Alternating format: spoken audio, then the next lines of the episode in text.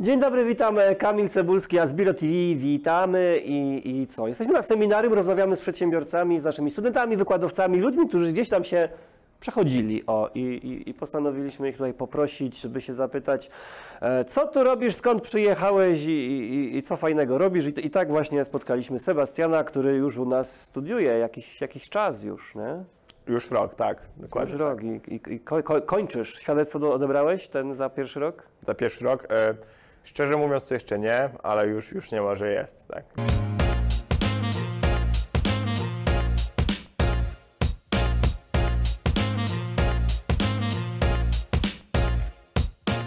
Ty tak trochę e, karierę miałeś taką, taką życiową trochę e, dziwną, bo szedłeś jedną karierą, potem zrezygnowałeś i musisz od nowa budować e, karierę, czyli z żołnierza, z kariery wojskowej na programistę.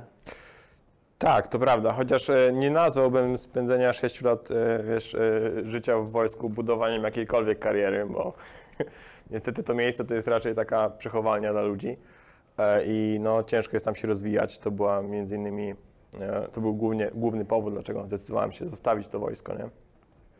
Bo faktycznie spędziłem 6 lat i zauważyłem, że ten system w żaden sposób nie gratyfikuje e, osób, które chcą się rozwijać, a wręcz odwrotnie, jakby zabijał kreatywność, e, na wszystko była procedura i nie dało się rozwijać. Ej, ej, ej, ej, ej przecież tu, my tu zawsze mówimy procedury, wdrażajcie procedury, tym ten, ten, ten, a tu mówi, że na wszystko procedurą. To chyba dobrze zorganizowane to wojsko. Tak, ale e, też moim zdaniem powinien być proces, który aktualizuje te procedury, a nie, rozumiesz, bolszewicy nam kiedyś napisali je i do dzisiaj je mamy, tak? No wiesz, no w końcu wygrali tą wojnę, nie? Wiesz, i to, to, to Oni, Niemcy, nie tak, wszyscy sobie wygrali, nie?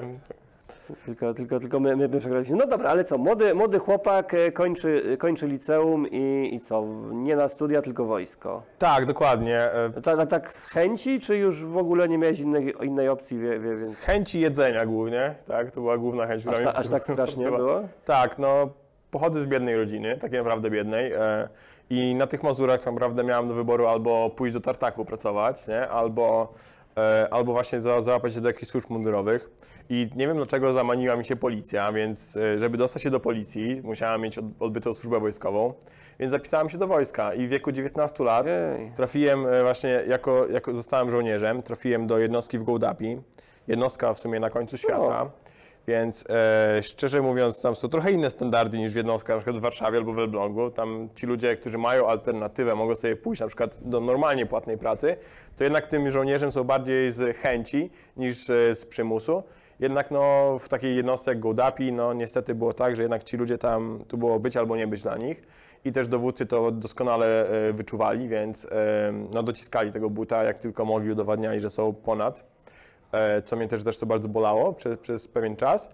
No ale zarabiałem te moje, wiesz, pierwsze 2200 na rękę i byłem szczęśliwy, że w wieku 19 lat po maturze zarabiam mniej więcej tyle, co nauczyciel w liceum, które kończyłem, nie? No, Dokładnie. Byłem szczęśliwy wtedy, nie? Jeszcze kariera przed tobą, bo to trzeba na kaprala, potem wyżej, wyżej.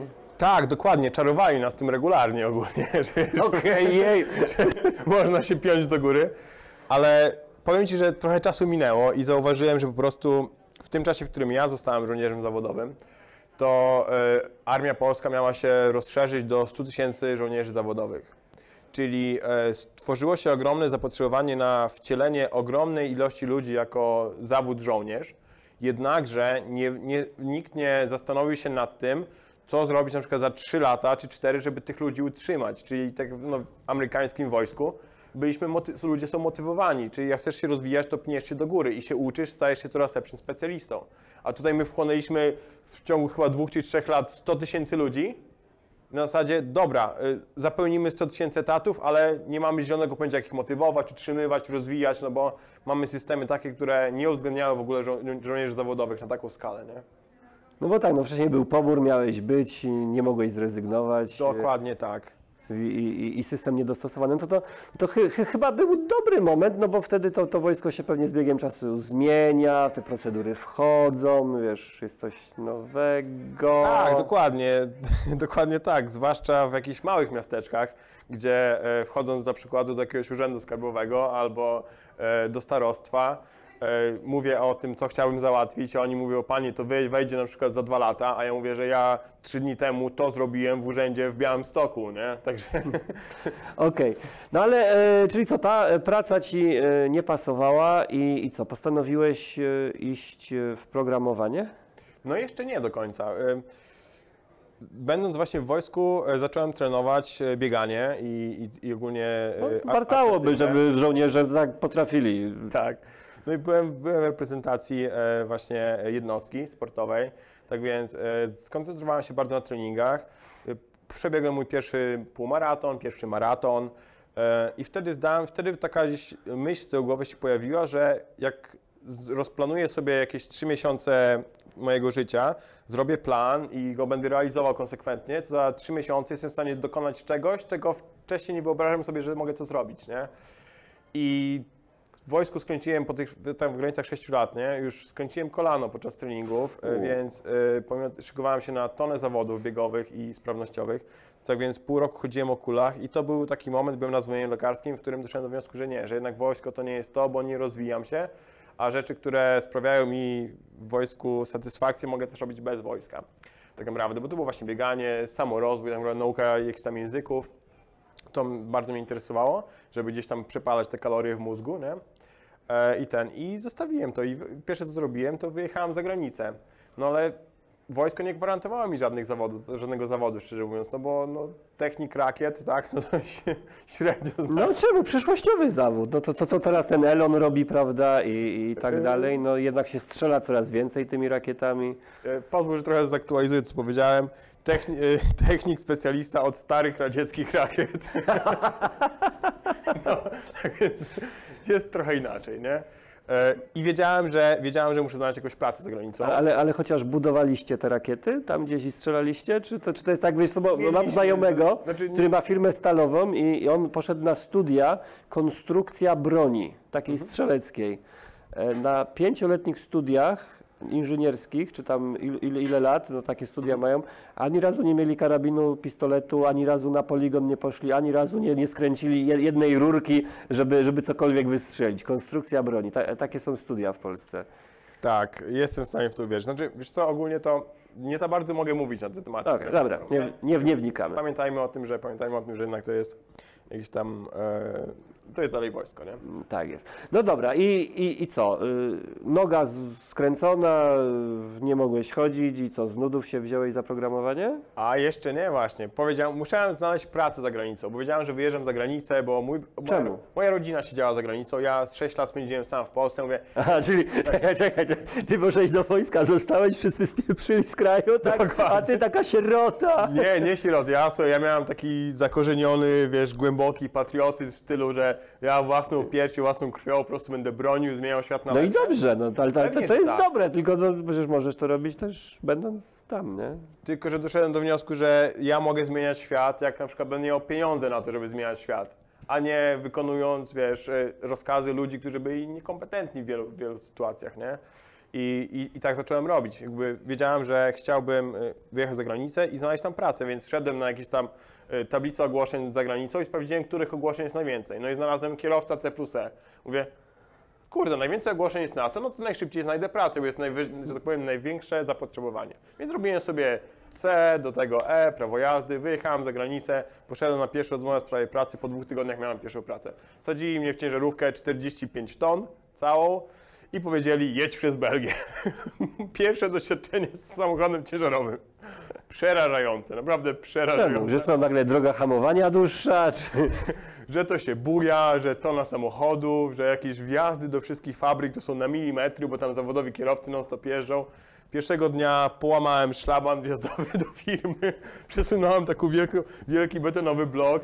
Masakra. Już myślałem, że mnie po pierwszym dniu zwolnią. Mówię, do niczego się Sebastian nie nadajesz, nie? Ale nie zwolnili mnie.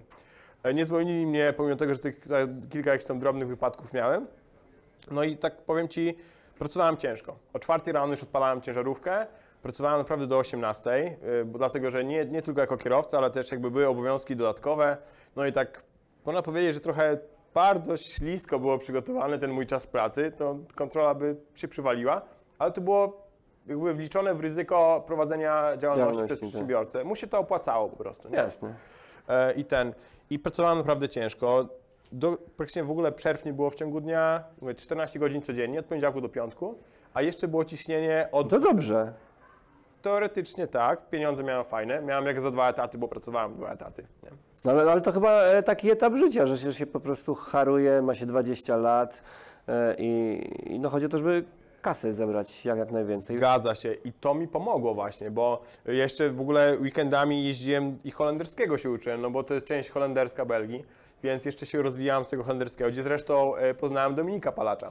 Czyli właśnie on jest, e, e, razem studujemy, nie? On mnie wciągnął w ogóle na studia do Asbira. O proszę, No. o proszę. E, No dobrze, ale z tirów się przesiadłeś na programowanie. Tak, dokładnie tak, bo e, s- okazało się, że pracując cały dzień, tak, słuchałem tylko jedynie co podcastów, mój mózg potrzebował znowu tych kalorii do przepalania, więc wskoczyłem do jakiejś elektroniki, prototypowania z Arduino, takie różne rzeczy, których mogłem się nauczyć samemu przez internet. I szło mi to coraz fajniej. Na tyle fajnie mi to szło, że w końcu jak mnie szef wkurzył, tak, powiedziałem nie. Mówię stop tutaj, nie? E, Nie będę już więcej tutaj pracował. I ten, i złożyłem wypowiedzenie i dzięki temu, że przez tam prawie dwa lata bardzo ciężko pracowałem, miałem odłożonych sporo pieniędzy. I nie bałem się zostawić pracy nawet na rok po to, żeby wziąć się za to programowanie. I tak zrobiłem. Wyjechałem y, do Polski, do szkoły Coders Lab. E, Tam zrobiłem sobie kurs programowania. I pierwszego dnia w tej szkole tak sobie po- spojrzałem na gościa, który to prowadził i mówię, ale fajnie byłoby kiedyś tutaj uczyć, nie? Mówię, muszę I wpisać... marzenia się Tak, spełniają. muszę wpisać na swoją listę, że będę kiedyś tam uczył. E, I faktycznie wróciłem do Belgii i po dwóch, trzech miesiącach już miałem pracę jako, jako programista, nie? E, jako właśnie na stanowisku juniorskim, mały software house, 8 osób. Z 8 osób ja byłem jedynym Polakiem, tylko ja, ja się, w sumie się uczyłem holenderskiego w locie od nich, nie? E, Klient holenderski. Jeszcze bardzo fajnie tak, to było zrobione, ponieważ każdy miał, każdy miał, ja miałem sobie bardzo dużo odpowiedzialności. Od, od, od pierwszych dni. Kontakt z klientem, planowanie aplikacji, chociaż bardzo słabo mi to szło, ale jakby szefowie nie wchodzili tutaj w, wchodzili w rolę takich ludzi, którzy tylko gasili pożary. Czyli rozdawali bardzo dużo odpowiedzialności i pomagali tylko wtedy, gdy ja przyszedłem i powiedziałem, słuchaj kolego, no szefie, nie działa, proszę pomóż mi, nie? I on wtedy poświęca mi czas, Że- pomaga mi. Że, że się w ogóle odezwałeś, że sobie nie radzisz. No To, to jest trudne. to było bardzo ważne, wiesz. Yy, dlatego mnie zaprosili na dzień próbny, jak się tam rekrutowałem, po to, żeby dali mi takie zadanie, żebym ja go na pewno nie dał rady całego zrobić, właśnie po to, żeby zobaczyć, czy- kiedy ja przyjdę i powiem. I teraz powiem Ci, że pracując już no, dobre 5 lat w, w IT, tak jako freelancer, czyli ja przełączam się między tymi projektami dość sporo, to zauważyłem, że mm, my jako ludzie, chyba też głównie Polacy mamy taki problem, że boimy się przyznać, że czegoś nie wiemy. A to jest dla nas takie bardzo problematyczne, że w firmie, ja pracując z ludźmi, tak jak na przykład zatrudniałem tam do siebie do projektów jakichś e, programistów, y, właśnie potrzebowaliśmy na przykład dwóch, trzech juniorów, no bo nie potrzebowaliśmy seniora, potrzebujemy po prostu junior, nie? Żeby go wdrożyć, nauczyć, za, za pół roku będzie, bardzo, będzie dla nas bardzo wartościowy. To największym problemem było to, gdy ludzie bali się przyznać, że czegoś nie wiedzą. I śmiejemy się często z tego, że na rozmowie w sprawie pracy e, zadajesz człowiekowi pytanie. Ja jako, ja weryfik, weryfikuję... Angielski płynny, znam się na Excelu, w ogóle Tak. uczę się sam, szybko. Tak, tak, tak, dokładnie. A potem przechodzimy do tych super technicznych pytań i mówię, jak na przykład rozwiązałbyś taki, taki problem. E, I ten. I widzę, że człowiek nie wie, nie? No ale i on zaczyna mnie oczarowywać, mówiąc, no słuchaj, to teoretycznie można. bo-" I ja widzę, że on nie wie. I on próbuje oszukać mnie z odpowiedzią na pytanie, które ja przygotowałem. Nie ma nic gorszego tak naprawdę, rozumiesz? Po prostu No, no, ale to mamy to, bo jesteśmy ambitni, nie chcemy pokazać słabości e, i idziemy. No, czy ja wiem, czy to jest jakaś taka super zła, super zła cecha? Ale to nie jest tak, że za każdym razem, gdy poprosimy o pomoc właściwą osobę, to jednak przyspieszamy ten swój rozwój? Ale, tak, ale wiesz, prośba o pomoc, a powiedzenie, że, że, że nie wiem, to są tak dwie różne rzeczy. Bo to prośba o pomoc e, to, to znaczy, że chcę to zrobić, nie wiem jak, a, a nie wiem tego, to znaczy, że weź to ode mnie, bo, bo ja nie będę się angażował, bo, bo nie, nie radzę sobie. W sumie tak, możemy tak to zrozumieć, to prawda. Jednak e, wiesz, specyfika projektu w IT jest taka, zwłaszcza jak ja mówię, ostatnie dwa lata działałem w różnych startupach fintechowych, że pracy jest tak dużo, jak po prostu nieskończoność dosłownie, nie? z perspektywy takiego człowieka. Każdy ma tyle zadań, że nie ma opcji przekazania komukolwiek innego zadania. I jedyne co, to możesz komuś wyrwać z dnia 15 minut na to, żeby ta osoba ci pomogła, ciebie pchnęła do przodu. Okej. I No dobra, ale e, czyli co, e, wy- wyszkoliłeś się, teraz uczysz tych programistów, ja, ja, jak wiem w, ty, w tym Code, code tak, Lab, tak? zgadza się, jestem w E. Tak, je- jesteś geekiem komputerowym, już wyszkoliłeś się i tak dalej. I co? I w tych startupach e, robisz? Produkujesz oprogramowanie, projekty prowadzisz dla, dla korporacji takich bogatszych z zachodu, oprogramowanie do nich dostarczasz, tak? E, Dobrze ten model twój funkcjonowania rozumiem? Jestem po prostu, tak, jest, no jestem freelancerem, kontraktorem właśnie w fintechu. Aktualnie do końca roku mam kontrakt w Goldman Sachs, nie? Tak więc tam działam, robimy taki bardzo fajny produkt. Też o szczegółach za bardzo nie będę mógł mówić, ale, ale budujemy właśnie też taki ciekawy produkt. No, no, no finansowe y, oprogramowanie i finanse, no to to jest chyba taka na, najwyższa półka w ogóle programowania, no bo to, to i pieniądze są, i, i banki, i te protokoły bezpieczeństwa, włamy, nie włamy, no to to jest, to jest chyba trochę bardziej zaawansowane ni, niż jakąś gierkę zrobić. Zgadza się i to wiesz, to też nie jest przypadek, że ja działam w tym, na tym rynku, bo szczerze mówiąc finanse nigdy mnie nie, inter, nie interesowały. Ale Ale, dlatego je masz. ale płacą najwięcej. Płacą po prostu za te rzeczy najwięcej. Mają najwięcej pieniędzy na e, wdrażanie nowoczesnych projektów, na inwestowanie też w przepalanie projektów, tak? Tak więc y, jest bardzo fajne pole do rozwijania się. Ludzi, którzy zatrudniają, to też są, na przykład teraz pracując z ludźmi, ja pracuję z ludźmi naprawdę, wiesz, z Nowego Jorku, z Chicago, którzy kończyli MIT, e, więc bardzo fajni, ciekawi ludzie, od których można się dużo nauczyć, nie? Także to jest, to jest dla mnie bardzo wartościowe. Niestety, ta, znaczy niestety, to jest normalne. Tam, gdzie są pieniądze, tam będą super specjaliści, którzy pomagają tym ludziom, którzy już mają pieniądze, zarobić im więcej, nie? No tak, tylko no tak trochę wymagające takie, takie, takie trudne rzeczy robić.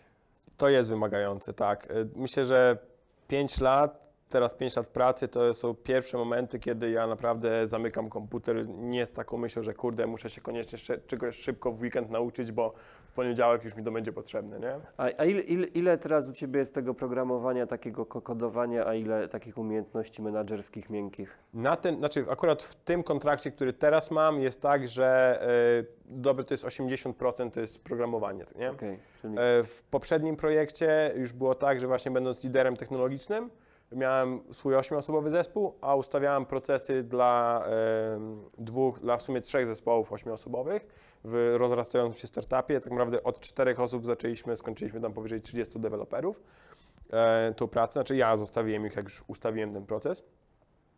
E, tak więc ten, tak więc no duże zespoły, nie?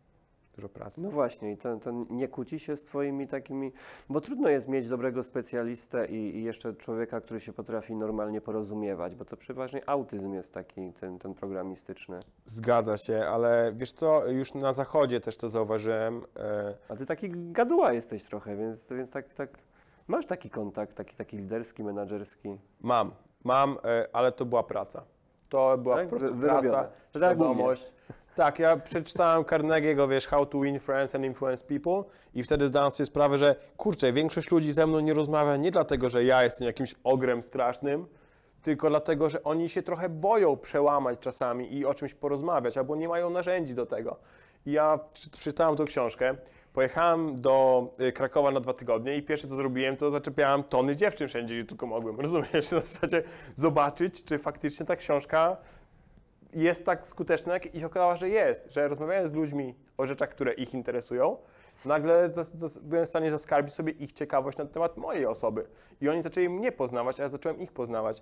I zacząłem, jakby wiesz, zrobiłem sobie potężny poligon, do tego na LinkedInie, non-stop, teraz mam ponad 6 tysięcy kontaktów, więc jak rekruterzy zaczęli coś tam pisać, ja zawsze mówię tak, bardzo chętnie. Zacząłem z, z nimi prowadzić pertraktacje, to był, LinkedIn to jest mój drugi poligon do finansowego sprawdzania, jak rozmawiać z ludźmi o pieniądzach, bo w Polsce też niestety mamy spore problemy w tym, żeby umieć nauczyć się negocjować, wiesz, warunki kontraktu. Często zgadzamy się na za dużo rzeczy. Nie? Tak więc tu zrobiłem sobie drugi poligon z umiejętności miękkich, czyli jak rozmawiać, żeby zapłacili tyle, ile chcą. I wtedy za, za, nauczyłem się, że nie mówi się na przykład, no ja bym chciał zarabiać u was, y, nie wiem, 30 tysięcy miesięcznie w firmie, nie?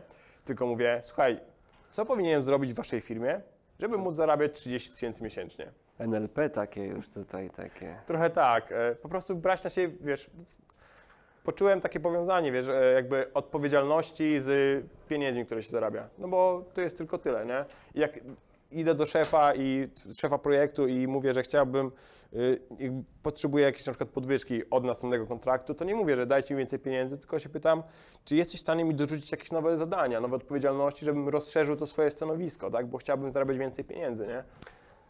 Co często jest problemem, bo ja w takim zarządzaniu mam taką myśl, że jest osoba, ta osoba dobrze robi rzecz A, ale jest ambitna, nie? I, i, I chce, załóżmy, finansowo lepiej wyjść, chociaż niekoniecznie zawsze motywacja jest finansowa, ale dla, dla przykładu chce robić rzecz B, bo tam się czuje, wydaje jej się, że to będzie lepsze dla niej, bo chociażby to się wiąże z lepszym zarobkiem, czyli lepszy zarobek zawsze się wiąże z mniej, e, z mniej często spotykanymi umiejętnościami, tak? No bo trzeba Jasne. mieć jak, jakieś skille takie wyjątkowe, żeby, żeby dobrze zarabiać.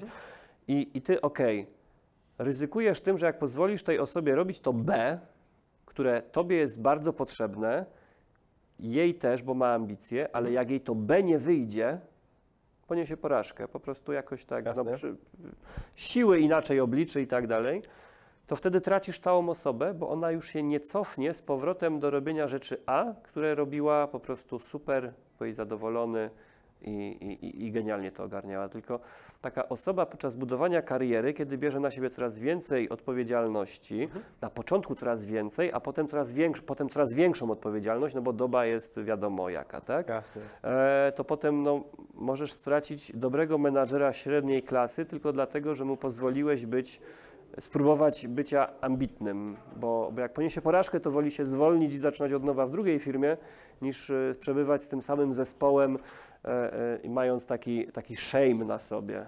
Tak, y, ale wiesz co, to trochę też wynika z mentalności naszej, bo ja ostatnio y, właśnie czytałem Goskologię, którą mi Iwonka poleciła, nie? świetna Tak. książka. No i właśnie tam autor Brzeziński powiedział, że Polsce i w Stanach inaczej się podchodzi do porażki.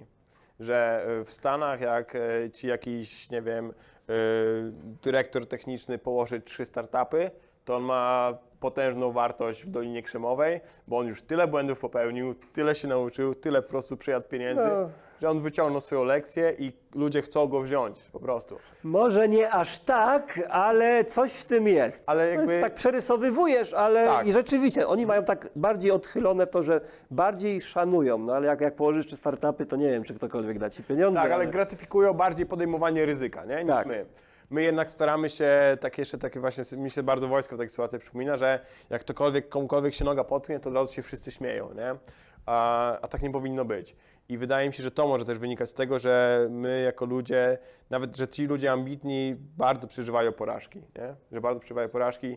Może też czasami, bo ja tak właśnie też jak pracuję i rozszerzałem swoim podwładnym obowiązki na jakieś dodatkowe, to też mówiłem jasno i wyraźnie, mówię, słuchaj, to jest projekt pilotażowy. Zdaj sobie sprawę, że damy Ci te obowiązki, ja będę cię, postaram się Cię wspierać w tym, ale jeżeli Ci to nie pójdzie, to nie traktuj tego personalnie, tak? Jest, I wtedy właśnie traktuję to personalnie. tak, to prawda. To prawda. Wie- Więc nie ma, no zarządzanie, trudna sztuka, tego, te, tego się ludzie uczą, uczą, uczą i nie dają rady niekiedy, bo to, to jest takie, no, no, no trzeba mieć tą empatię do drugiego człowieka i, i możemy swoimi umiejętnościami trochę skręcić, tak, ty, się, ty, ty wyleczyłeś się z bycia programistą i, i zacząłeś rozmawiać i tak dalej, możemy przeczytać, ale no trochę wy, wy- wysterujemy, ale no nie jesteśmy na tyle elastyczni, żeby nagle każdy był super gwiazdą zarządzania, nie, to jest To prawda. Też trudna sztuka. ludzie mają też swoje problemy. M- Też niewielu ludzi, mi się wydaje, też lubi pracować nad samym sobą, żeby czasami, bo jednak A zauważyłeś, że ci, co najwięcej mówią o pracy nad samym sobą, to, to tak na dobrą sprawę to najmniej pracują i, i na nich trzeba najbardziej uważać? E, tak, wydaje mi się, że też tak może być, nie?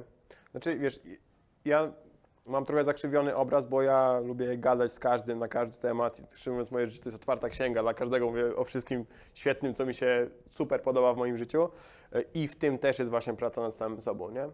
E, Właśnie i, i medytacja, i yoga, jakieś tam, jakieś tam rzeczy, które kiedyś podchodziłem do tego na zasadzie robię to, bo cały świat to robi, to musi być dla mnie dobre i bardzo się skrzywdziłem przez to. Na zasadzie A, i teraz trzeba wszystkim opowiedzieć. no, że wiesz, że nie dawało mi to takich efektów, a wymuszało na mnie, wiesz, stresowałem siebie jak psa, Okej, po prostu to, bardzo. to powiedz mi, okej, y, już, ju- już pod koniec, no bo studiujesz u nas na licencjacie od roku, Mhm. e, skończyłeś ten pierwszy rok, no ale tutaj e, lata wojska, e, lata na zachodzie, potężne projekty, gdzie tam angażujesz zespół 10, 20, 17, ilu, ilu tam osób mówiłeś. E, Dla wielkich korporacji pieniądze to o, pewnie takie, o których mało kto w ogóle śni. E, A, a ty sobie przyjechać do takiej małej szkółki uczyć się biznesu, licencja, to ty, ty maturę masz tylko? No proste, że tak. Okej. Wystarczy Ale co, co, co, co, cię tak wzięło do tego? Chcia- Chciałeś mieć licencjat? I- Czy, czy, Nie, czy, nie czy, chciałem. czego ci brakowało, że Nie się chciałem mieć zapisać? licencjatu. E, Dominik e, opowiedział mi trochę o formule, bo jakby ja pierwszy zjazd ominąłem całkowicie. E, Nie było mnie, nie, nie byłem jeszcze studentem, nie? I Dominik do mnie przyjechał i nie na zasadzie reklamowania, ej, wstąp do sekty z, razem z nami, wiesz, zmienimy świat, nie? Tylko tutaj 5 tysięcy wpisowe. Tylko coś tam mi opowiedział o ćwiczeniach takich praktycznych, nie? Z biznesu, z, ona, właśnie chyba z Elą, mi się wydaje. Tak, tak. Ja. E, I ten, i ja mówię, wow, jeżeli na studiach coś takiego jest zrobione, mówię, to ja tam się dużo nauczę. A wiesz, w międzyczasie też jakby tam roz, jakieś dwa inne produkty sobie rozwijam i mówię, ta wiedza mi się przyda. A byłem, wiesz, byłem na kursie podstawowym tutaj w Asbiro i, i wiedziałem, jakby bardzo dużo rzeczy zastosowałem z tego kursu podstawowego, pomagając właśnie teraz mojej wspólniczce ten w rozbudowaniu marki osobistej. Tak więc teraz wchodzimy już z pierwszymi produktami, które będziemy sprzedawali. Mamy świetny ruch na blogu, y, bardzo dużą grupę na Facebooku. Wszystko przez dwa lata zaczęło się od tego, że przyjechałem tutaj na pierwszy zjazd tego właśnie kursu podstawowego i ktoś powiedział, weź, jak chcesz szuka, jak szukasz klientów, to znajdź sobie, nie wiem, jakieś tam przedszkola, na przykład w okolicy, swoją grupę docelową, znajdź tych ludzi, napisz im prawdziwy artykuł z prawdziwą treścią i tak zrobiliśmy. O smogu napisaliśmy artykuł. Wysłaliśmy do mam po prostu z naszego osiedla, z, y, wysłaliśmy wiadomość, cześć, tutaj taki artykuł o tym, jak zadbać o zdrowie dziecka podczas smogu i y, dziewczyna świeżo po studiach, po dwóch tygodniach już miała swoich pierwszych klientów jako freelancer, nie?